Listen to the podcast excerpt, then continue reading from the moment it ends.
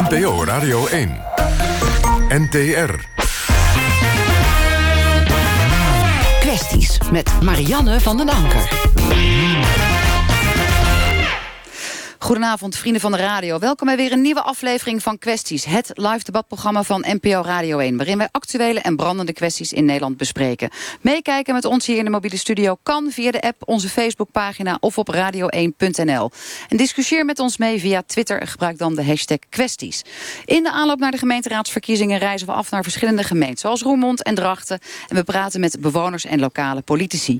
Vanavond staan we met de bus in Almere... want hier blijkt uit cijfers dat het aantal thuis dus het aantal leerplichtige kinderen dat thuis zit, hoog is. Almere en Lelystad staan in de top 6 van gemeenten met het hoogste aantal thuiszitters. Ondanks alle bemoeienissen gaat dat cijfer niet naar beneden. Landelijk zijn er ruim 4000 kinderen die thuis zitten... en bovendien zijn er landelijk ook 5000 kinderen die langdurige vrijstelling hebben. En dat aantal daalt niet, ook niet ondanks al die bemoeienissen, maar het stijgt juist. Zo ook in Almere, waar er vorig jaar 128 kinderen langdurig thuis zaten... en waar meer kinderen dan ooit een vrijstelling kregen. Minister Arie Slob heeft een aantal weken geleden gezegd... dat het aantal thuiszitters onacceptabel is. In 2020 wil hij dat teruggebracht hebben naar nul. Ik praat hier vanavond over met ouders en leerplichtenambtenaar... en lokale politici. Is het groeiend aantal thuiszitters het bewijs dat het passend onderwijs niet werkt? Of moeten scholen hoge boetes krijgen voor thuiszittende leerlingen... zodat ze hun verantwoordelijkheid eindelijk eens gaan nemen. Er wordt hier al geknikt in de bus. We gaan eerst naar Johan Blokzeil. U woont in Almere. Uw zoon van acht heeft vorig jaar thuis gezeten. Waarom is hij eigenlijk anders dan andere kinderen, Johan? Uh, hij is helemaal niet anders dan andere kinderen. Dat is het mooie. Uh, natuurlijk zeg je dat graag als ouder. Maar hij is psychologisch van voor tot achter, van onder tot boven getest. Hij is niet anders. Hoe merk je toch als ouder dat het dan niet goed gaat op school? Uh, hij, is zeer, hij heeft ADHD. Hij is zeer sensitief. Uh, je moet het kind begrijpen. Uh, uh, wil je alles goed aan hem les kunnen geven. En, en dat ging hier in Almere niet goed, want hij zat hier op een basisschool. Ja. Wat ging er op die basisschool precies mis?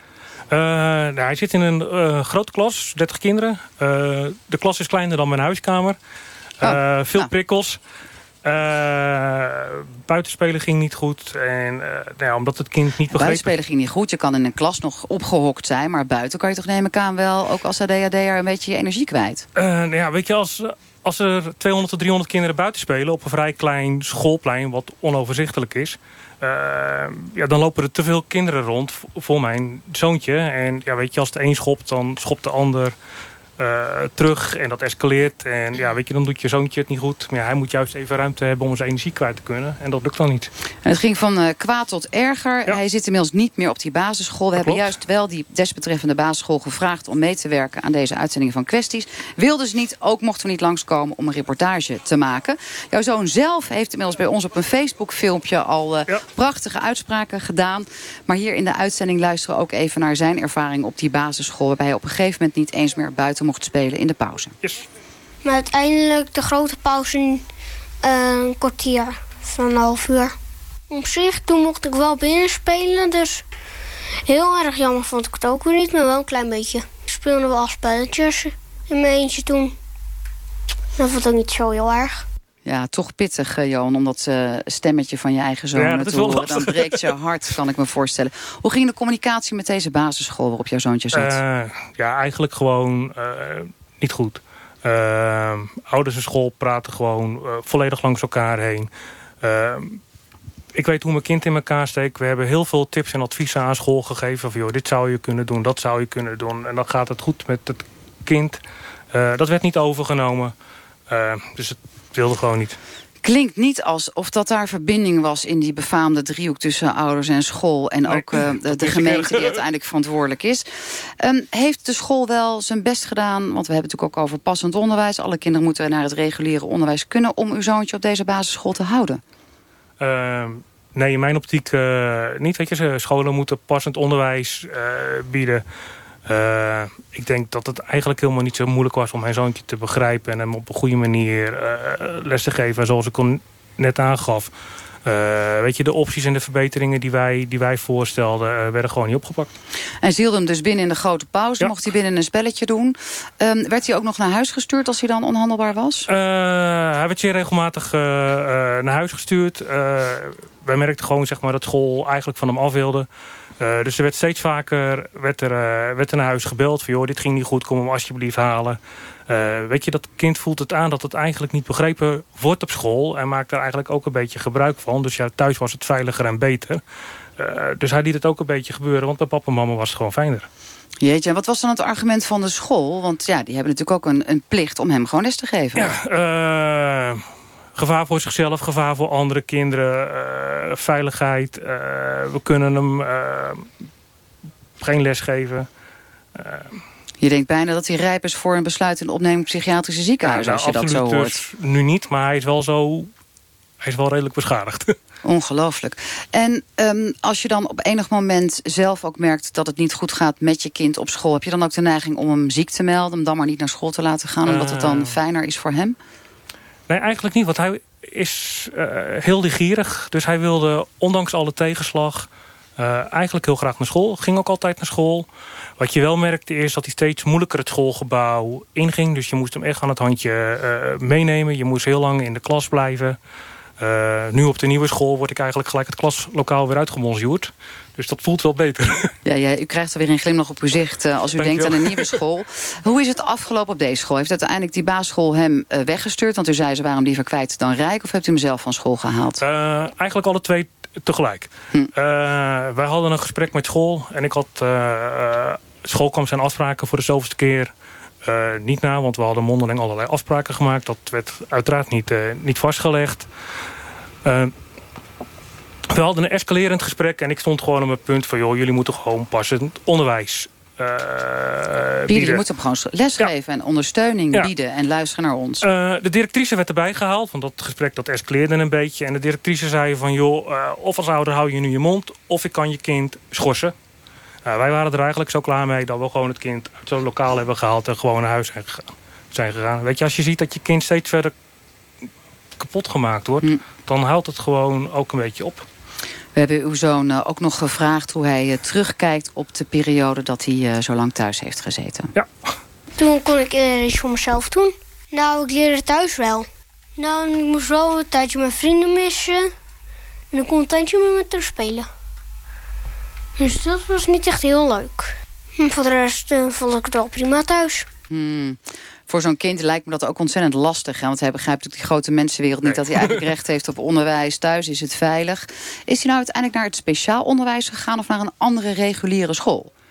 Um, uiteindelijk is hij naar speciaal onderwijs gegaan. En ik denk dat dat een deel van de problematiek hier in Almere is. Uh, dit is eigenlijk de enige optie die voor mij mogelijk was. Um, hij zit dan momenteel goed, maar het is niet zijn beste plek. En hij heeft recht op de beste plek. Ja, en de beste plek is voor u gewoon regulier onderwijs? Uh, dat maakt me eigenlijk niet zo heel veel uit... als, als het onderwijs maar gewoon perfect bij hem aansluit. Hm. Weet je, natuurlijk zeg je als ouder liever regulier... Hè, want dat voelt gewoon goed. De SBO-scholen zijn ook best ja. goed volgens mij... maar het moet gewoon goed aansluiten. En deze school kan een hoop bieden... maar waarschijnlijk ook niet alles. Maar dat is waar we met elkaar achter moeten komen. Want ook hier geldt dan op het speciaal onderwijs... dat er onvoldoende ondersteuning is? Uh, qua gedrag, zeg maar, en, en, en, en weer het veilige gevoel geven... Uh, doet deze school het uh, echt hartstikke goed. Hij heeft echt uh, topjuffen. Maar wat op een SBO-school het geval is... het, het kunnen leren en het echte leren... daar is gewoon wat minder aandacht voor. Omdat er een combinatie is van heel veel kinderen in één klas... met allemaal problemen? het aantal kinderen in de klas valt wel mee... want hij zit weer in de klas met 13... Maar het niveau van lesgeven is gewoon wat lager dan gemiddeld. En als je dan een kind hebt met een bovengemiddeld IQ... kan het weer op dat gebied uh, mogelijk fout gaan. En school gaat er alles proberen te aan doen... maar dat is de uitdaging waar we voor staan. Waar jullie nu weer voor staan. Um, ik kan me ook voorstellen dat u contact heeft gezocht met de leerplichtambtenaar... want die kunnen ook ouders helpen... nadat ze uh, uiteindelijk ook uh, kunnen vaststellen... of dat de school voldoende heeft gedaan. Hebt u contact gehad hier met de leerplichtambtenaren uit Almere? Pogingen ondernomen, maar uiteindelijk geen contact gehad. Ik heb drie keer gebeld, uh, leerplichtambtenaar niet aanwezig. Kom je bij de telefonisten uit, doe je een terugbelverzoek. Uh, normaliter werkt dat in Almere hartstikke goed, maar niet bij de leerplichtambtenaar. Uh, na de vierde keer een mail gestuurd. daar ook nooit op gereageerd. Dus uiteindelijk hebben we nooit contact gehad met de leerplichtambtenaar. Had u enig idee hoe uw zoon geregistreerd stond? Als thuiszitter of stond hij als ziek gemeld? De school had aangegeven dat ze hem aan zouden melden zeg maar, bij de leerplichtambtenaar. Uiteindelijk uh, in een keer in een gesprek met de gemeente kwamen we erachter dat hij ook niet geregistreerd, geregistreerd stond als thuiszitter. En wat hadden ze dan wel voor een stickertje op hem geplakt? Vanuit uh, de gemeente niet. En vanuit de school ook niet? Uh, hoe bedoel je dat? Nou, het gaat natuurlijk straks en verderop in de uitzending even over hoe er geregistreerd wordt. En ik zie uh, links van mij al de leerplichtambtenaar zitten. Dus die kunnen we direct daar even bij betrekken. Dat is Britta van Borsum-Waalkens. Um, u hoeft niet specifiek in te gaan op deze uh, casus van Johan. Maar misschien dat u dat ook wel wil doen. In ieder geval kort advies geven. Of in ieder geval vragen. Heeft u toen u geen contact kreeg met leerplicht... zelf nog een brief geschreven of een klacht ingediend? Hè? Of aangegeven van ik zoek contact en ik krijg het niet? Want ik vind dat zelf, uh, daar wil ik toch eerst even op ingaan... dat ik dat heel uh, jammer vind dat dat niet is gebeurd. Dat we blijkbaar onbereikbaar zijn geweest voor u. Uh, ik hebt u het nog even teruggekeken in het systeem? Want u bent coördinator, dus ik neem aan dat u mandaat hebt... om ook eventjes te kijken met de familie Blokhuis... hoe ze geregistreerd staan in uw systemen ik hoor dit, ik hoor dit nu. Dus ik, ik, ik, wist niet voordat ik in de bus stapte hoe uh, er geregistreerd was. Maar in ieder geval is het zo dat als het om thuiszitters gaat... Um, heeft school de plicht om een melding te doen bij passend onderwijs en bij leerplicht. Ik vind het zelf ook belangrijk om nog even um, duidelijk te maken... dat thuiszitters zijn zorgleerlingen. Um, je hebt ook leerlingen met ongeoorloofd verzuim, spijbelen. En, en wat betreft de zorgleerlingen willen wij echt ouders... zoveel mogelijk informeren, adviseren bijstaan in ronde tafelgesprekken, bemiddelen naar school. En uh, ik vind het zelf heel jammer uh, dat ik dit signaal krijg. En uh, het is absoluut, absoluut niet de bedoeling. Maakt u eigenlijk een beetje met terugwerkende kracht excuses namens uw organisatie? Ik vind een excuus is wel op zijn plaats als een ouder een afdeling leerplicht niet kan bereiken... terwijl een ouder advies nodig heeft of ondersteuning. of op zijn minst een uh, doorverwijzing naar een andere organisatie... die u mogelijk had kunnen ondersteunen. Nou ja, laten we eerst even de termijn beetpakken. Hoe lang heeft uw zoontje thuis gezeten? Vier maanden. Vier maanden. En u weet dan van niks. Dat is toch ook raar? Dat zou in ieder geval niet van de ouders af moeten hangen... maar ergens zou het ja. systeem toch ook bij u gepiept moeten hebben? Ja, maar daar, kijk, op het moment dat school geen melding doet bij ons... dan weten wij niet dat een leerling thuis zit. Uh, ik ken het dosscher niet, dus weet je, ik vind het lastig om daar nu een uitspraak over te doen. Oké, okay, maar de feiten zijn wel, voordat ik nog even bij u kom, machine Steenberg. Um, uh, Scherpenberg, sorry. Het kan toch niet zo zijn dat een jongen vier maanden thuis zit... en dat u zegt, ja, als het uh, school het niet registreert, weten wij het niet. Hoe kan dat dan? School heeft de plicht om thuiszitters te melden na vier weken. Een kind wordt een thuiszitter als hij vier weken thuis zit. Om wat voor reden dan ook. Uh, er zijn hele duidelijke afspraken binnen de gemeente Almere... met alle scholen. Die hebben zich daar ook echt toe verplicht. Om, en dat is trouwens ook landelijk een, een, een verplichting voor scholen... om een kind wat thuis zit na vier weken te melden... bij leerplicht en passend onderwijs. Um, met die melding weten wij dat het een thuiszitter is. Kunnen wij signaleren, kunnen we ondersteunen. Kunnen we kijken, doet school genoeg? Uh, we kunnen monitoren, ronde tafelgesprekken initiëren. Dat zei je net al, maar we willen toch nog even specifiek... naar aanleiding van deze individuele casus dan weten... wordt hier dan door scholen structureel en stelselmatig niet goed geregistreerd? Want deze jongen is uiteindelijk niet bij u bekend. En excuus naar de ouders, ja dat is aardig... maar het systeem had moeten piepen. Ja, maar ik ken het dossier niet. Hè? Dus op het moment dat ik geen NAW-gegevens gegevens heb... kan ik niet constateren dat deze jongen niet bekend is bij leerplicht geweest. Dus op het moment, ik wil met alle liefde kijken in het verleden... is dat toen inderdaad zo gegaan zoals u zegt. Maar ik kan er nu geen uh, harde uitspraken over doen. Nou weten we wel dat hier in Almere het best een behoorlijke puinhoop is. Niet voor niks komt bij vijf scholen ook uit de verf... dat zij verzuimregistratie niet op orde hebben. Dat is ook reden voor de inspectie voor onderwijs om hier specifiek te komen kijken. Janine Scherpenberg, je bent zelf ervaringsdeskundige ook uh, in jouw Klopt, geval ja. uh, meegemaakt... dat kinderen thuis hebben gezeten. En daarom heb jij de ja. vereniging of de club Ouderkracht opgericht... om met name ouders te ondersteunen. Wat wilde jij net zeggen?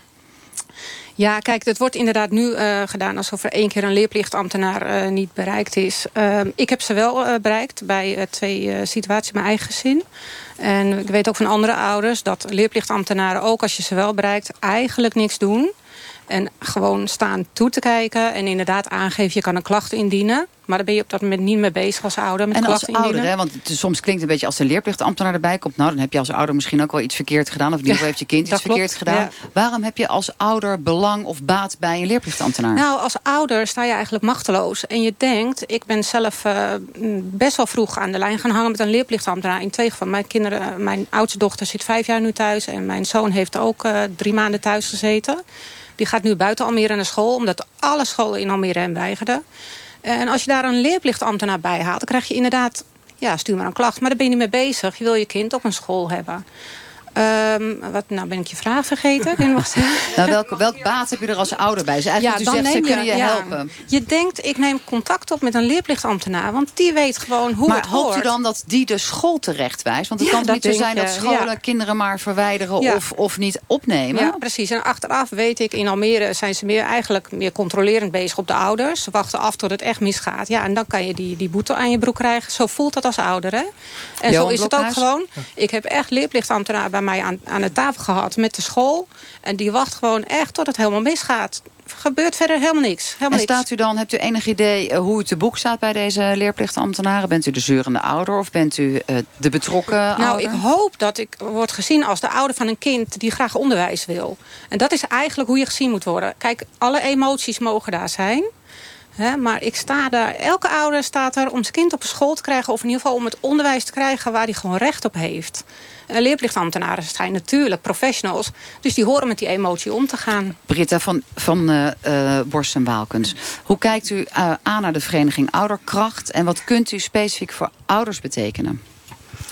Uh, ik wil het wat meer in zijn algemeenheid trekken. Dat we in Almere een heel goed beleid hebben op thuiszitters. Dat er preventieve spreekuren zijn op de scholen. De, de leerplichtambtenaren nemen deel aan de zorgadviesteam overleggen. Ik heb u niet gezien. Of een van uw collega's. Zei Johan Blokhuis. Ja. Wiens zoontje vier maanden thuis heeft gezeten. Maar ik wil wel Ik graag, ik wil graag uitleggen dat uh, de afdeling leerplicht uh, aanwezig is op de scholen. Er, er is een pilot op drie VO-scholen. Zijn ze een dagdeel aanwezig om preventief te werken. Er worden preventieve spreekuren gevoerd op alle VO-scholen. Zes keer per jaar. He, juist in Mijn het kader het van, als ik even uit mag praten, aan het begin. He, als, op het moment dat kinderen licht verzuimen. Om dan te kijken, wat is er aan de hand? In gesprek gaan met de ouders. We nemen deel aan de zorgadviesteam overleggen. Daarnaast uh, werken we heel nauw samen met passend onderwijs. Staan wij overigens voor de deur. Inderdaad. En daarnaast is in mei 2017 de actietafel opgericht voor thuiszitters. En daar nemen we ook aan deel. Net als een brandpuntfunctionaris, de jeugdarts, uh, JGZ... Het zijn een hoop functionarissen, maar ondertussen zit hier wel uh, uh, iets raars tussen hoe u de werkelijkheid beleeft en wat de cijfers zijn. We hebben hier in ieder geval twee ouders met ervaringen en dat zijn geen spookleerlingen. Mag ik nog wel één ding zeggen? En dat is één. En twee, Almere ja. staat ook gewoon in de pikorde qua uh, landscijfers, dat het hier gewoon het allerslechtst gaat. Het lost dus ook inderdaad niks op. Het maakt het erger. Je zoekt een heel simpele oplossing voor je kind. Bij verzuim ben je al te laat. Dat is niet preventief. Passend onderwijs is preventief. Als je als ouder vraagt om zorg, dat is preventief. Ga je verzuimen, ben je al te laat. En vaak vraag je om een heel simpele oplossing. En daar komen al die instanties bij waar je helemaal niet op zit te wachten. En wat ook niks oplost. Daar los je echt niks mee op. Nou, misschien moet de politiek erbij komen. Anse de Summa, u bent van de Socialistische Partij. We hebben hier ook nog D66 en de VVD aan boord. Maar die zitten in de coalitie. U wil de macht teruggrijpen. Wat vindt u vanuit de oppositie van deze kwestie? En u kunt uw ouders helpen.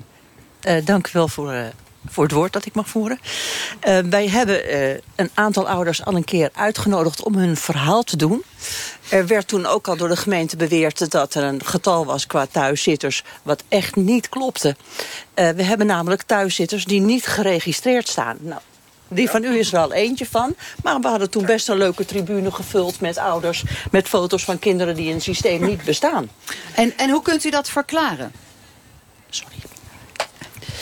Um, nou, als de school al niet doorgeeft dat het kind weggestuurd is... of niet opkomt dagen, die registratieplicht waar men zich dan schijnbaar niet aan houdt... dan heb je dus natuurlijk al een maas in de wet... waardoor er kinderen eh, niet geregistreerd staan als thuiszitter, maar niet op school Hoe zit, dat, hoe zit dat technisch in elkaar? Want eh, van wat we er nu van hebben begrepen is... een school moet melden als een kind ziek is... of eh, eh, heel langdurig niet op school is. Eh Janine, weet jij hoe dat het zit? Ja, kijk, het, is helemaal, het zit hem helemaal in de definitie thuiszitters. En het is natuurlijk ook echt... eh, het is ook een beetje spelen met, eh, met cijfers.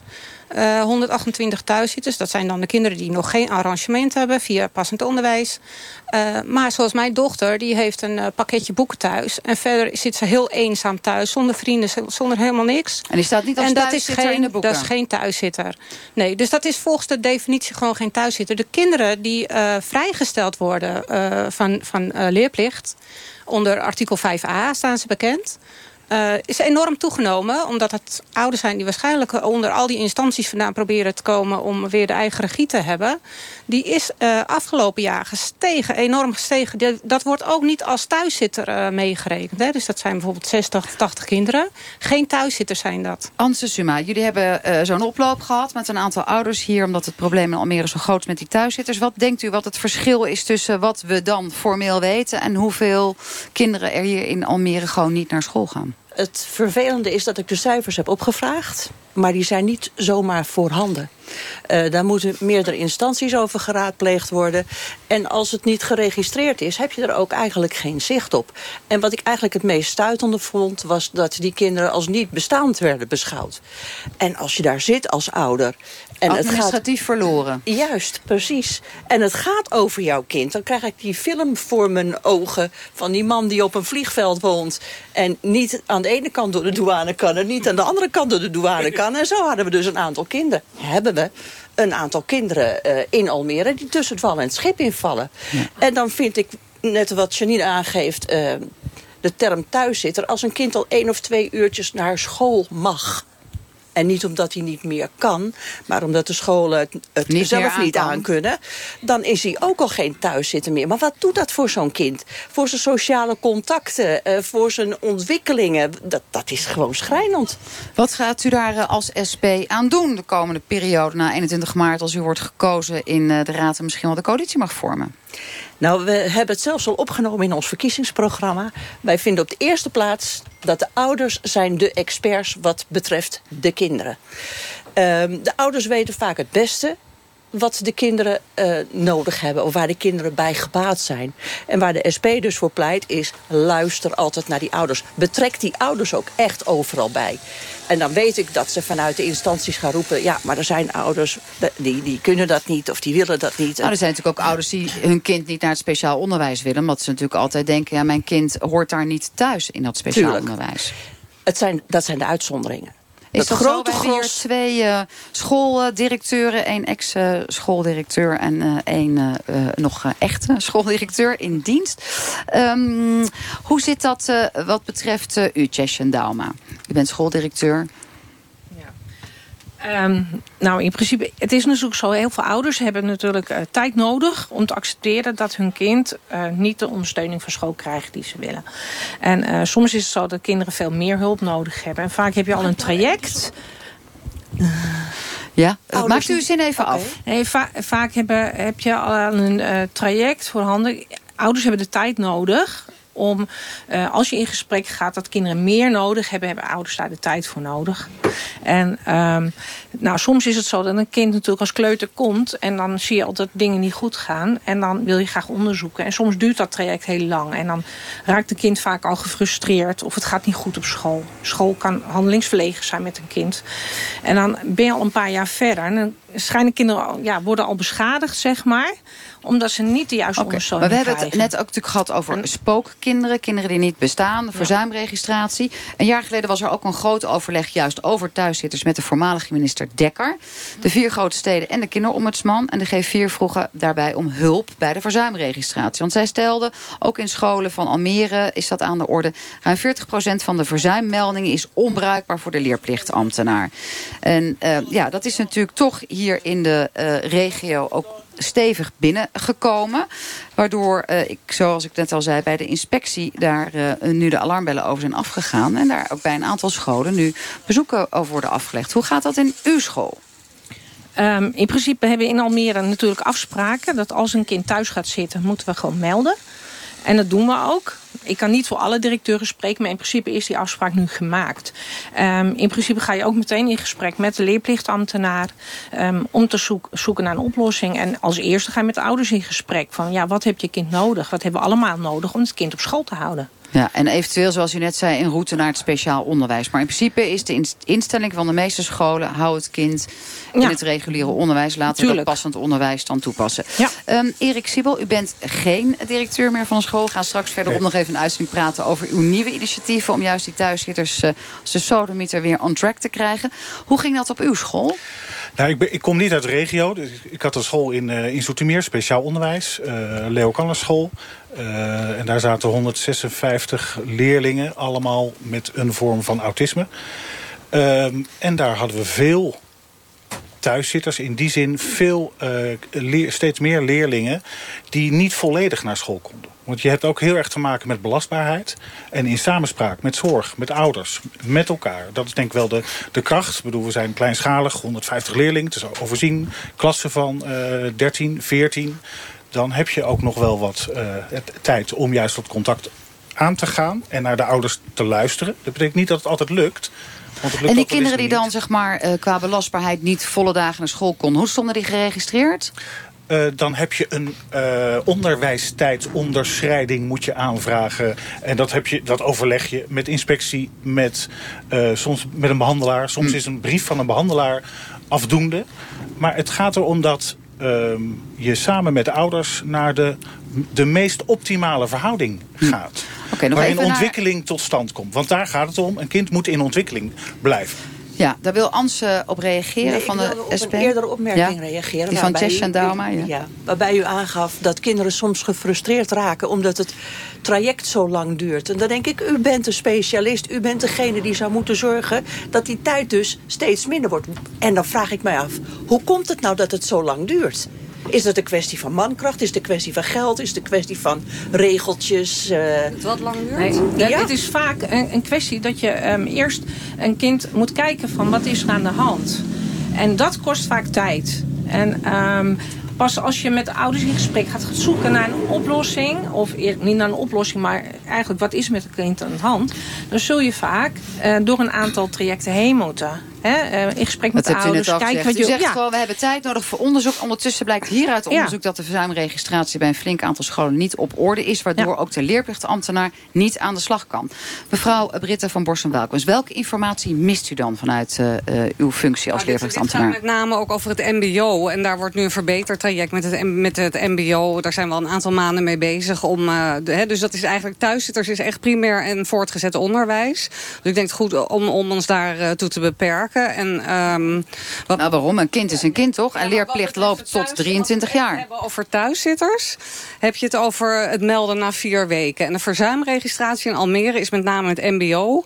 Uh, waar uh, de, de verzuimmeldingen niet altijd compleet zijn. En daar wordt heel veel aan getrokken met het mbo... om goede meldingen en inhoudelijk ook goede achtergrondinformatie te krijgen. Ja, maar dat betekent toch niet dat kinderen die boven de 18 zijn op het mbo's... of boven de 16, dat die dan hier in Almere makkelijker weg kunnen komen? Nee, absoluut niet. Maar de thuiszitters, die worden op een hele, de thuiszitters op het mbo worden door het mbo zelf... Hè, intern samen met leerplicht en externe ook als het ware in de school uh, besproken en geholpen en ondersteund. Maar de PO en VO is een hele andere zaak. Dat zijn thuiszitters uh, die passend onderwijs, we zitten er tegenover...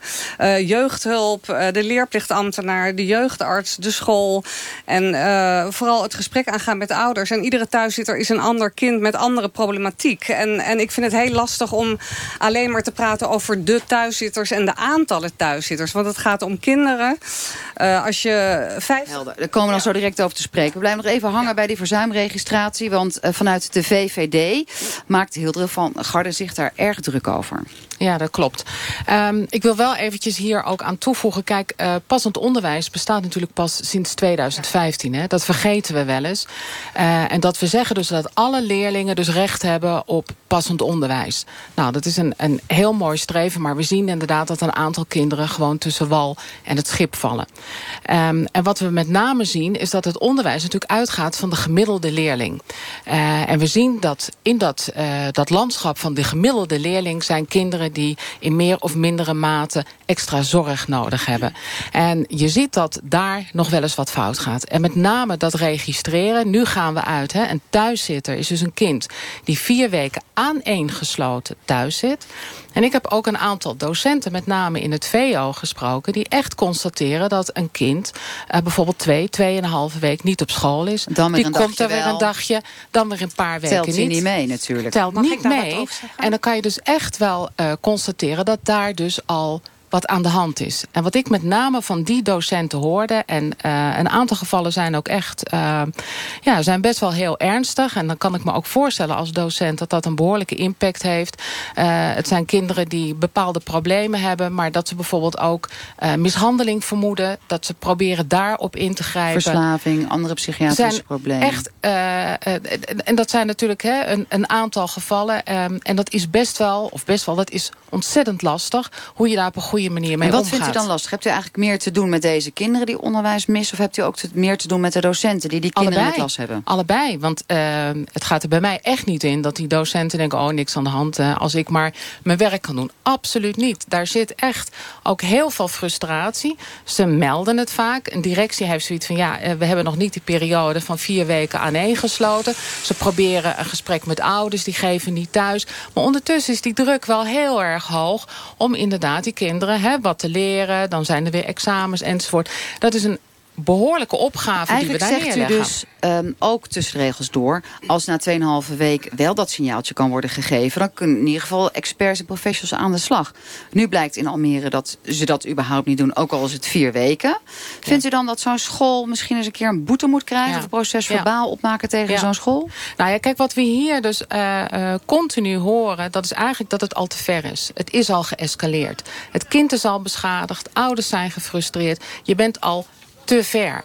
Uh, en dan komt er heel veel emotie bij... en dan wordt het natuurlijk ontzettend lastig om aan een hele goede oplossing te werken. Ik wil eerst nog even um, Jan Lems het woord geven van D66. Ja. Want u zit hier vanuit een bijzondere positie. Want u bent namelijk met uw wethouder van D66... eigenlijk een soort eindverantwoordelijk voor wat hier gebeurt in, uh, in Almere. Nou, maar verder geen druk hoor. Ja, verder, verder, staat er, verder gaat er, staat er geen druk op, nee. begrijp ik. Ja. ja.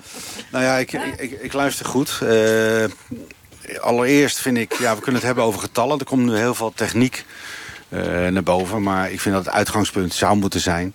dat er gewoon geen kind, uh, geen kind thuis zit. Dat, dat moet je beginpunt uh, Ja, dat wil Arie Slob ook. In 2020 wil hij het geregeld hebben. Ja, Wat is er dan maar, voor maar, nodig, maar, wat ik betreft? denk juist dat we, en dan geef ik toch een beetje tegengeluid... in Almere proberen de draad goed, goed op te pakken.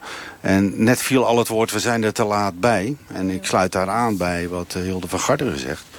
Uh, volgens mij zijn we juist in Almere bezig om uh, vanuit preventie meer te gaan kijken... van hoe kunnen we zowel uh, het kind, maar ook de school... maar ook de ouders ondersteunen. Op het moment dat je de signalen krijgt dat het ergens niet goed gaat... en inderdaad of het nou basisonderwijs is of voortgezet onderwijs... als een kind een aantal dagen niet op school is... dan ga je daar achteraan als leerkracht. Maar dat gebeurt hier dus niet? Um, nee, dat, eerst, dat, dat, bestrijd ik. Dat bestrijd ik. Dat bestrijd nou, er staat hier de, de, de directeur van Passend Onderwijs... waar wij voor de deur staan. Die heeft zelf een vlog uh, geschreven over hoe goed het allemaal gaat en hoe niet. Die zegt, we hebben hier in Almere te maken met de wet van het doorverschuiven. En dat betekent, dat is een hardnekkige wet... waar nog steeds in Almere erg veel uh, last van uh, wordt, uh, door wordt ondervonden. Het kind er wordt voortdurend met het kind geschoven... waardoor het onhoudbaar is. En uiteindelijk verstoort het kind de klas. En het kind komt natuurlijk ook uiteindelijk onderwijstekort. Het maakt het werken voor de docenten onmogelijk. Totdat het verwijderen de enige oplossing is. Ja, dat zegt dan... hier de directeur van het passend onderwijs. Die zegt ook nog, we hebben weer een plannetje gemaakt. We hebben brandpunttypes en functionarissen. En we praten wat af in clubjes. Maar hier schrijft zij, de wet van het doorverwijzen... hebben wij nog lang niet overwonnen hier in Almere. Ja, maar de cijfers geven natuurlijk ook gewoon aan... dat we in Almere niet goed doen vergeleken bij landelijk. Hebt u vanuit de SP, Ansuma, al een beetje om u heen gekeken? Waar moet uh, Almere op stage? Om eens even te kijken waar het beter kan. Weten jullie dat? Misschien nou, vanuit ja, oude kracht? Ik wil daar wel wat over zeggen. Ik Kijk, ik, um, ik breng mijn eigen kinderen niet meer in Almere op school. Ik heb er eentje thuis zitten ernstig beschadigd. En de toekomst is uh, hartstikke onzeker. Ze heeft nog haar VETA-diploma, is 18 jaar. Uh, mijn andere twee kinderen stuur ik niet meer in Almere naar school. Mijn uh, zoon is hier uh, na twee jaar lang zorgvragen en een beetje ondersteuning... dus niet pas bij een beetje verzuim... Hij werd gepest en hij mocht hier op geen enkele school komen. Want hij was een risico. Eén week ziek. En ik heb hem over de brug naar school gebracht in Bussum. En ik zou dat zo heel graag. Ik, ik denk wel eens, ga daar eens langs. U zegt, daar is het warm. bij Bussum. En echt, ik zweer, het is echt niet papiertjes en allerlei instanties. Het is gewoon aardig doen voor kinderen en het kind zien. Heel simpel. Heel simpel. Tisha maar je hebt uh, niet alleen net het woord gevraagd vanuit uh, jouw positie als schooldirecteur. Maar misschien kun je ook ingaan op het feit dat jij zelf uh, pleegouder bent. En dat jij eigenlijk als moeder van deze kinderen het ook niet voor elkaar krijgt... om ze hier in Almere onder de pannen te krijgen. Ja, inmiddels. Alle kinderen hebben in Almere zijn gewoon naar school gegaan uiteindelijk hoor. Um, dus, maar, maar waar ik eigenlijk op wil sturen is... dat je eigenlijk heel jong moet beginnen... om de onderwijsbehoeften al snel in kaart te krijgen van kinderen. Daar zit hij. Um, dus eigenlijk bij de toegang van de school ga je al meteen kijken... wat is de onderwijsbehoefte? Wat hebben ouders nodig? Wat heeft het kind nodig? Ga met elkaar meteen aan de voorkant in gesprek. Want er zijn ook kinderen die misschien eigenlijk niet helemaal passen... in een grote klas met 30 kinderen in een klein lokaal op een school in Almere. Waarom moeten daar al in groep 4 achter komen? Nee, misschien al eerder. Ik, ja, maar dat gebeurt niet. Hè? Wij hebben op de oude school heel veel uitval in groep 4, 5, 6. Ja. Dat kan dus gewoon niet. Ja, nou, ik, ja, dat begrijp ik. Maar waar ik op doel is dat we um, gewoon als een kind ook halverwege midden, ja, in de middenbouw bij mij op school komt... ga je eerst heel goed kijken wat heeft het kind nodig. Past het bij mij? Of past het niet in een klas van 30? Maar, nee, maar is misschien wel iets interessants om op in te gaan. Want wat we natuurlijk van veel ouders horen... en die hebben natuurlijk zelf ook misschien een domme fout gemaakt... door een kind zelf van school te verwijderen. Het lijkt mij altijd een erg onverstandige actie om dat te doen. Want vervolgens moet een andere school dat kind accepteren. En daar zien we breed in de landen een probleem... dat scholen dan zeggen, nou, deze liever niet met dit dat dossier. Maar in Almere is dat heel lastig. Ja, je klopt. kunt je kind in Almere niet nee. zomaar van school laten veranderen. Nee, dat mag, dat mag niet hier. Nee. Maar dat is niet alleen in Almere volgens mij hoor. Dat is, uh, dat is landelijk. Dat is eigenlijk gewoon tegen de wet. Je maar je mag gewoon... ook niet zomaar een kind afwijzen. En dat gebeurt wel degelijk. Dat gebeurt wel. De leerplichtambtenaar nog even. Wat is uw mandaat? Wat kunt u betekenen? Want eigenlijk hoor ik dat u boos zou kunnen worden op scholen. Want die registreren het verzuim onvoldoende. Waar u door u te laat bent. Maar u zou ook boos kunnen worden uh, op ouders die misschien dingen niet goed doen. Nou ja, ik, ik denk dat... Uh, ik zou absoluut niet boos willen worden op ouders. Ik denk dat het heel belangrijk is om te luisteren naar ouders. En ik denk ook dat het superbelangrijk is dat scholen in een heel vroeg stadium... met de ouders praten in plaats over ouders. Dat vind ik zelf ook heel belangrijk. Ook in goede ronde tafelgesprekken.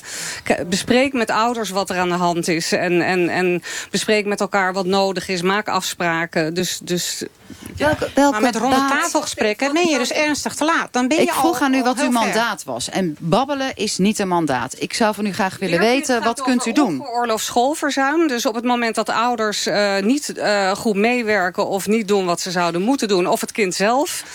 Uh, wij proberen altijd eerst vrijwillige hulp in, in te zetten. En, en in, ja, op vrijwillige basis. Dat is allemaal vrijwillig. Ik vraag ja. naar uw mandaat. Kunt u een school bijvoorbeeld een proces verbaal opleggen? Nee, of kunt u op een andere manier aan de slag? Of, of zegt u eigenlijk, ja, wij zijn eigenlijk alleen maar een babbelfabriek?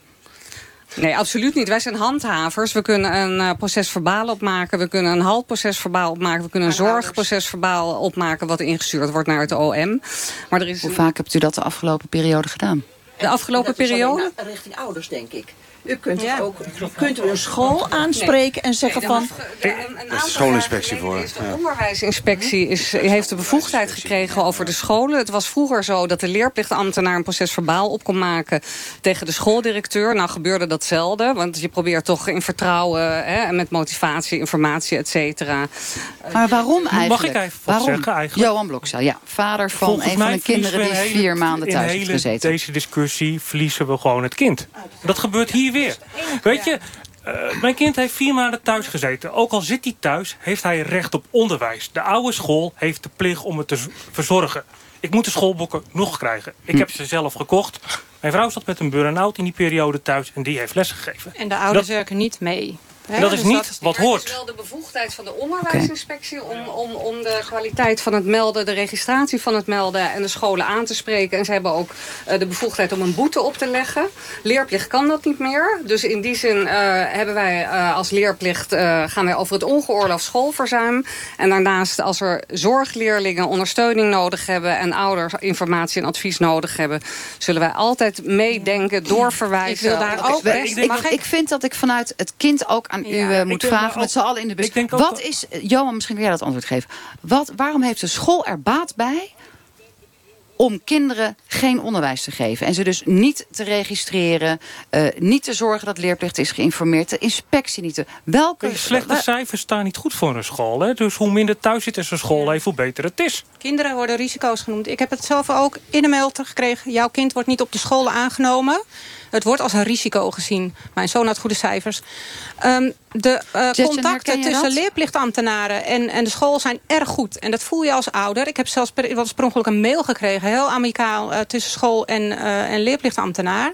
En er werd wat over mij gezegd. Dus dat geeft gewoon ook aan hoe een leerplichtambtenaar staat tegenover ouders. Oké, okay, en misschien ook nog de ex-schooldirecteur... die is misschien wat vrijer om te spreken. De kwestie die we hier nu beter hebben... is dat scholen er belang bij kunnen hebben om niet te melden... dat kinderen niet op school zitten omdat dat slecht in de boeken staat. En voor je het weet heb je de inspectie op je dak. En om ze niet op te mijn antwoord is nee, want um, dat weet jij niet. Um, als, uh, en uh, ik moet zeggen, in primair onderwijs melden we altijd netjes. Uh, daar hebben we ook nou, verplichting. Niet, niet dus. En nee. Mijn zoon is niet. Nee, is niet de enige. Nee, dit is... Goed, weet je, het is wel zo. Jullie okay. zijn twee ouders die Erik, Erik laten we even, en nog even naar een andere schooldirecteur. Want u zegt, ik heb het niet, ik meld altijd keurig. U zat natuurlijk in het speciaal onderwijs. Maar ja. daar kun je ook uiteindelijk uitvallen omdat het niet goed gaat. Net als ja. in het reguliere onderwijs. Ja. Wat is, nog een keer, wat is de reden voor scholen om dit niet op tijd te melden?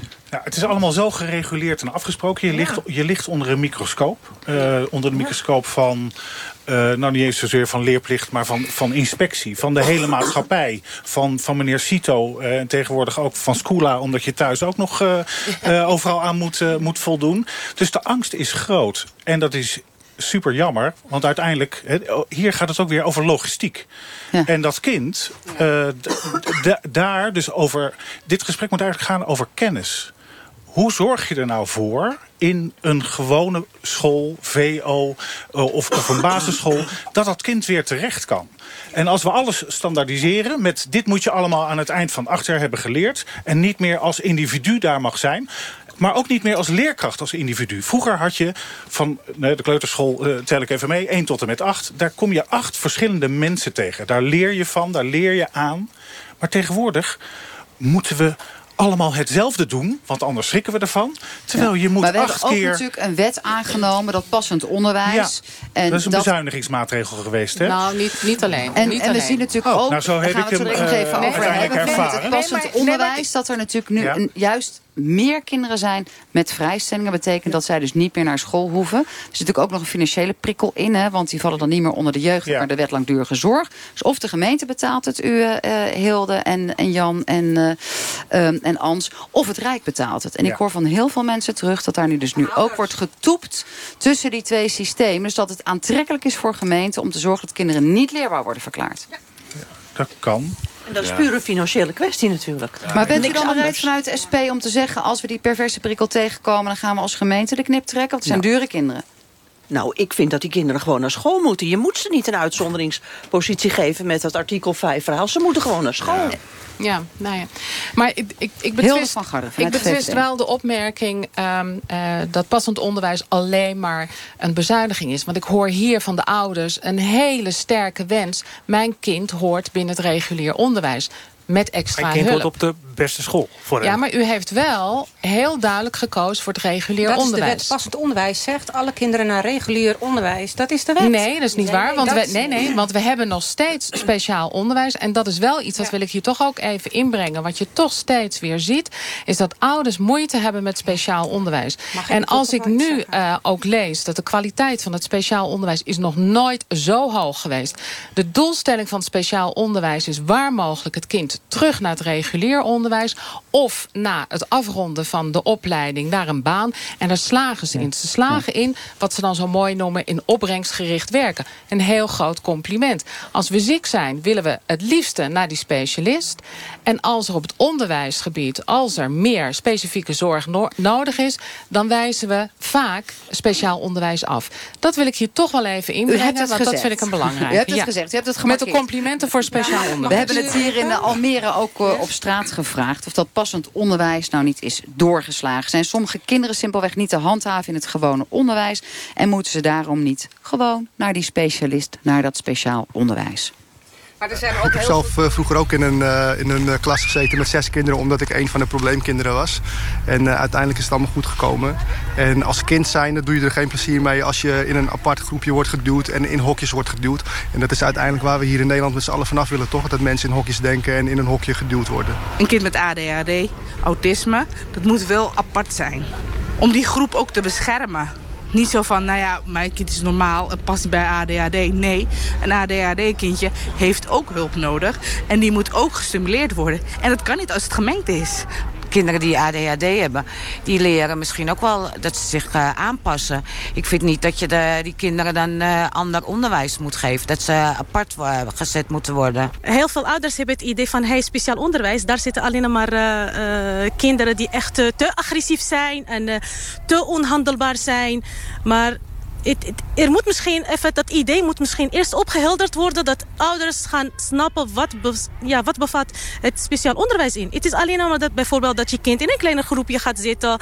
Krijgt hij meer aandacht. Het, eh, de taken worden misschien wat lichter. Mijn dochtertje heeft met een meisje van Down in de klas gezeten. Dat vind ik alleen maar... Ja, dat- zo leren kinderen ook dat kinderen anders zijn... en dat er verschil er ook mag zijn. Ex-schooldirecteur Erik Siewel uit Oestgeest. Is het passend onderwijs mislukt? Nou, het is nog niet goed opgestart. De, de, het, het, op deze manier werkt het niet. Want het is niet een organisatiekwestie. Het, het moet weer in de klas. Het onderwijs, leraren moeten weer eigenaar worden van het onderwijs. En dan worden ze ook weer.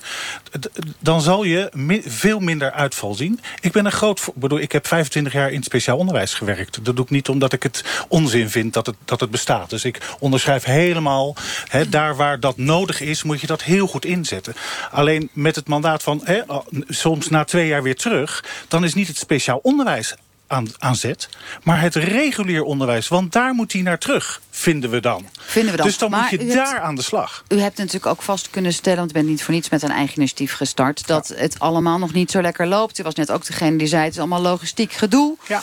Welk initiatief hebt u om het probleem van de thuiszitters op te lossen? Ja, wij zijn in, eh, in, in, in Leiden en omstreken eh, zijn we begonnen met de onderwijscamper. Eh, vanaf 1 mei gaat die eh, de straat op. En daar gaan we kijken of we leerlingen die tijdelijk thuis zitten... of vanuit een langdurige thuiszitsituatie weer in beweging kunnen krijgen. Op reis. Daarom is het ook een, een camper. Eh, want het is ook een reis die we gaan gaan maken. En we gaan in, kijken of we weer richting die school kunnen. En het mooie van die camper is, je kan hem en voor de deur zetten op, in de veilige thuisomgeving. Maar je kan ook even, eh, nou, wij kunnen makkelijk naar, naar het strand of naar, de, naar een, een speeltuin, maar ook naar een school. En daar weer op onderzoek Is dit eh, uitgaan. al ergens onderzocht of toegepast in het buitenland... waardoor u dacht, nou, dat idee gaat zeker werken... want Nee. ergens anders heeft het al We hebben het natuurlijk wel gehad met de circus, circusscholen en, en, en dergelijke. Ehm, maar omdat ik van nabij vanuit speciaal onderwijs... de soms zeer schrijnende situatie heb gezien... dacht ik, er moeten meerdere dingen. Je moet cre- creatief zijn om dit probleem op te gaan lossen met elkaar. Nou, wens u daar heel veel succes bij. Dank. weet komen we daar ooit nog wel een keer over te spreken hier bij kwesties. We hebben in ieder geval ook vastgesteld dat het ehm, eh, in het onderwijs de afgelopen periode ook niet goed gaat qua geld en middelen. De eh, onderwijzers gaan weer staken. Ehm, minister Arie Slob heeft gezegd, eh, ik ga ook overal geld bijdoen naar alle onderwijsvormen om, nou ja, whatever, al de problemen in één keer op te lossen. Ze specifiek kijken naar de thuiszitters, mevrouw van Garderen van de VVD. Ehm, het aantal kinderen in het speciaal onderwijs is ook toegenomen. Dus dan gaat er hier iets niet goed. Ja, maar nogmaals, ehm, zoals ik net ook al aangaf... passend onderwijs is pas sinds 2015. Ik bedoel, laten we het ook alsjeblieft gewoon even de tijd geven. Daarbij wil ik wel opmerken, wat volgens mij een hele belangrijke is... we zitten hier, we horen hier verhalen waar het dus al gewoon te ver is gegaan. En ik sluit me helemaal aan bij eh, de mevrouw hier naast me... als, als schooldirecteur hè, vanuit eh, de praktijk kan aangeven... heel vroeg, kijk wat er aan de hand is. Hoe gedraagt een kind zich? En ga dan ook meteen in gesprek met het kind en met de ouders. Dat is Zou een je- hele belangrijke. Zou je niet ook vanuit eh, ehm, de politiek... ik kijk ook eventjes naar eh, eh, Jan Lems van D66 en Ansuma... meer moeten vragen van scholen? Ik gooi een paar knuppeltjes Ah, denk, hoenderhok. we, hebben, we, we hebben het heel, Ja, heel erg over hoe gedraagt het kind zich. Maar misschien is het ook belangrijk hoe gedraagt de leraar zich. Ja, jullie als ouders zitten jullie nu een beetje te, Nee, te knikken? ik- ik Zeker. heel even ingaan We zijn bijna het eind van de we hebben nog maar dus een- knal hem erin. Ik knal hem erin. Een paar jaar passend onderwijs. Vijf jaar geleden nog, eh, nou is echt vijf, zes jaar geleden dat ik heb gevraagd... zijn jullie klaar voor passend onderwijs? Ja, iedereen stond te juichen. Wij zijn er helemaal klaar voor. In Almere is er al heel lang geleden een pilot gestart. voor inclusief onderwijs. Dat is waar eigenlijk pas het onderwijs uh, naartoe wil. Alle kinderen op de reguliere school. En dat ging heel goed. Het voordeel was toen het, het geld aan kinderen gekoppeld was. En scholen wilden toen erg graag die kinderen dus houden. Een van jouw oplossingen is gewoon koppel het budget aan nou, het kind. ik zou het niet als een oplossing, want er wordt niet direct wat voor het kind gedaan. Maar, de Maar school, goed, dat de school helpen. krijgt het geld en wil dus ook het kind houden. Zou het dat ook dus ook helpen- betekenen dat het heel lang duurt voordat er hulp is. Dus Zou het ook helpen, want dat is ook iets wat wij terug horen in de praktijk... dat er geen vrijstellingen meer gegeven kan, kunnen worden. Is dat een oplossing? Tenzij er natuurlijk echt... Een, een- als een kind in coma ligt, ik noem maar even wat... dan is een Ja. vrijstelling natuurlijk wel op zijn plaats. Mijn kleindochter. nee, maar zolang Ja. passend onderwijs Maar- er niet is... vind ik die 5A is voor sommige me- mensen echt een uitkomst. Omdat hun kind anders terug in school Nou moet... ja, terwijl ze en- daar en- niks vinden. Maar Jan onderwijs- vanuit onderwijs- onderwijs D66, thuis- uw, Ik vind- uw ik vind- verantwoordelijkheid... vanuit eh, het wethouderspositie ook hier, wat vindt u dat Nou er ja, moet los van die verantwoordelijkheid. Ik vind dat we, en ik wil toch een ander beeld weer toch een beetje meegeven. Ik vind dat we in Almere juist een begin maken om vanuit die preventiekant al kinderen vroegtijdig eh, eh, als het ware eh, naar voren te halen als er iets niet goed gaat. Eh, als voorbeeld, in het Ik, ik moet u peuterspeelzaalwerk... helaas onderbreken met de feiten. Want het doel van de overheid NG 4 was de afgelopen periode... om het aantal vrijstellingen met 10% te verminderen. En het is gestegen. En ook hier in Almere is het gestegen. Ja, Almere doet het Ja. beter dan de G32. Ik, ik, ik, het is maar net waar je het ook weer mee vergelijkt. Ik denk dat we in Almere er bovenop proberen te zitten. En daar waar het kan proberen ook leerkrachten te, eh, te, te ondersteunen. Want het gaat ook om, soms om het pedagogisch in een klas. Het is een complex probleem. Dus je, zult je kan het niet langs één kant aanvliegen. Nee, maar wat we natuurlijk nu de hele tijd zien... is dat iedereen met- met is coördinatieclubjes aan het oprichten. Nee, en is iedereen is, bereid om Nee, te is praten met Ik ga- ouders. Ik ga, ik ga daar echt tegen in. Ouders zijn hartstikke belangrijk. Die staan voor, voorop als het gaat Maar om wordt het het dus kind. heel slecht gehoord, meneer Lems? Nee, ik, nou, ik ben het helemaal niet met u eens eigenlijk. Maar dat Want is gewoon we- feitelijk. We, we zetten, Ik spreek ze regelmatig. U, u, doet, u, doet, u het voorstellen of het in Almere totaal fout is binnen het onderwijs. Nee, u doet het Onzin. voorstellen alsof het hier geweldig gaat. onzin. Laten we nou beginnen Heeft met u te van, erkennen van dat de er een wethouder ergens zo aan het einde van deze regeringsperiode niet gehoord van... er moet wel een tandje bij, want we hebben een grote opgave. Kunt u daar vanuit D66 Onderwijsclub niet iets opener over zijn? Het heeft niks met openheid te maken. Ik zit hier niks te verdedigen. Het waar het om gaat is dat Nou, kinderen gewoon... dat het valt hier allemaal reuze mee. Het, waar het om gaat is dat elk kind naar school moet kunnen gaan. Ja, dat- maar dat vinden we en allemaal. Alleen en hier zijn het- de problemen En als het groot. aantal vrijstellingen stijgt... dan zou, zou ik zeggen, ja, laten we dan eh, met elkaar gaan kijken... waar ligt dat aan? Want ik vind dat een kind alleen vrijstelling kan krijgen... of zou moeten krijgen als ouders... eh, het onderwijs zelf, het kind zelf, afhankelijk van de leeftijd... en we hebben het net al even gehad over het mbo, dat is een probleem eh, op zich... dat je daar wel met elkaar het over eens bent. Zouden jullie als 5A is niet schooldirecteuren nog even... Dat is echt zo Eén fout. laatste reactie. Zouden jullie vanuit Nee, de schooldirectie Ja. ehm, die vrijstellingen willen verbieden? Of zeggen jullie nee, dat is, helpt ons juist enorm, Jashan? Nou, ehm, ik ga het niet verbieden. Maar Ehm, helpt het je maar- dat er vrijstellingen voor Nee, onderwijs gegeven als, als directeur niet. Want eh, die kinderen zie je al niet meer. Erik, wat is jouw ervaring? Nou, Nee. we moeten sowieso stoppen met onderwijs en zorg zo, Ja, zo uit elkaar te halen. Volgens mij moeten we het over een tijdje hebben over ontwikkeltijd. Nou ja, Leerlingen, kinderen doen moeten, moeten gaan ontwikkelen. En of dat nou vanuit zorginitiatief of vanuit onderwijs is. Kinderen moeten verder komen. Dus ook als ze nu onder een vrijstelling zouden hebben... dan nog steeds ben je verantwoordelijk om dat kind in ontwikkeling te krijgen of te brengen. Wat zou je als leerplichtambtenaar, want u bent tenslotte naast de ouders expert... omdat u er elke dag mee bezig bent. Wat hebt u nodig om die doelstelling te realiseren... dat er in 2020 geen enkele thuiszitter meer is? Ehm, een goede samenwerking. Het aantal van 128 is natuurlijk een hoog aantal. Maar ik wil ook benadrukken dat er hier heel erg gefocust wordt op alles wat misgaat. Eh, er wordt ontzettend hard gewerkt door scholen, door, door Noem professionals. even dan de resultaten in aantal. Hoeveel hebt u er weer teruggekregen naar school... vanuit uw 16 leerplichtambtenaren en 6 man administratieve ondersteuning? Door het hele jaar heen. Gaat dit goed met mijn eh, Ja, microfoon? Door het hele jaar heen. eh, je begint bijvoorbeeld met vijf, 55 thuiszitters. En dan gaan er een aantal weer. Rapport. Ik kan niet in aantallen praten, want ik heb ze niet Maar u opgeschreven. hebt resultaten? Er zijn heel veel resultaten. En kinderen die supergoed worden begeleid. En ik vind het Laatste- jammer dat daar alleen maar woord. op gefocust wordt. Laatste woord Vind ik de- jammer. Omdat hier een probleem is. We hopen echt dat we hier niet meer in de bus hoeven te zitten... en dat we gewoon lekker met onze eigen kinderen bezig kunnen zijn... en dat ik weer kan gaan werken zonder mijn kind thuis te Nou, hebben. dat is helder. We zijn daarmee aan het einde gekomen van deze eh, uitzending van Kwestie. We zijn natuurlijk benieuwd naar uw mening. Tot zover deze uitzending. Blijf zo direct luisteren naar Radiodoc over de komiek Lou Bendy. Hij was de grootste komiek van Nederland tijdens het interbellum. Maar hij had ook een donker randje. Tot de volgende keer, tot volgende week. Dit was Kwesties. NPO Radio 1. Mijn naam is Thijs van der Brink en de komende week ga ik voor de gemeenteraadsverkiezingen het land in. Krijgt Tilburg de criminaliteit klein? De drugsmafia in het zuiden heeft zich enorm genesteld... omdat wij zacht optreden. Omarmt Katwijk de koopzondag? Geen koopzondagen.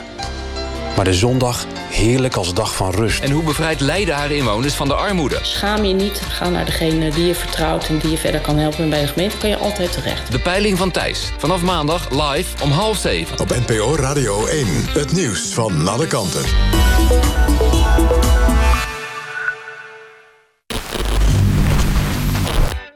Hoppa! Nog meer Stella. 14 gloednieuwe e-bike testcenters, nu geopend.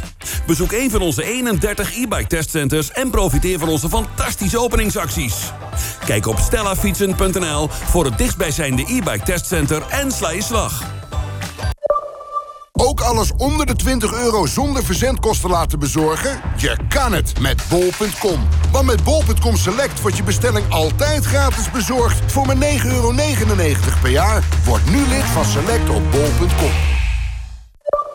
Nog meer Stella. 14 gloednieuwe e-bike testcenters per direct geopend. Profiteer van fantastische openingsactie. Bezoek een Stella e-bike testcenter. Nu ook bij jou in de buurt. Het hele jaar gratis bezorging, zelfs op zondag. Word nu lid van Select op bol.com. We snappen dat het vervelend is als deze week een collectant van Amnesty International voor uw deur staat... terwijl u net de pasta staat af te gieten. Maar u moet maar denken... uitgehongerd worden in je cel omdat je tot de oppositie behoort... is nog een stuk vervelender. Dus geef om vrijheid. Geef aan de collectant van Amnesty. Alvast bedankt. Je bestelling zelfs in de avond gratis laten bezorgen? Word nu lid van Select op bol.com. Echt persoonlijk advies geven. Het is de ambitie van bedrijfswagendealer Biemond en Van Wijk. En dat doen ze niet alleen achter hun bureau, maar ook hier bij een klant in IJmuiden. Dankzij KPN hebben ze hun kantoor overal bij zich. Zodat ze, tussen de bedrijven door, even de lading kunnen checken die straks de wagens ingaat. Top, die haring gaat er prima in hoor. Ontdek hoe KPN kan helpen om jouw ambities te realiseren op kpn.com slash groei. Voel je vrij, KPN.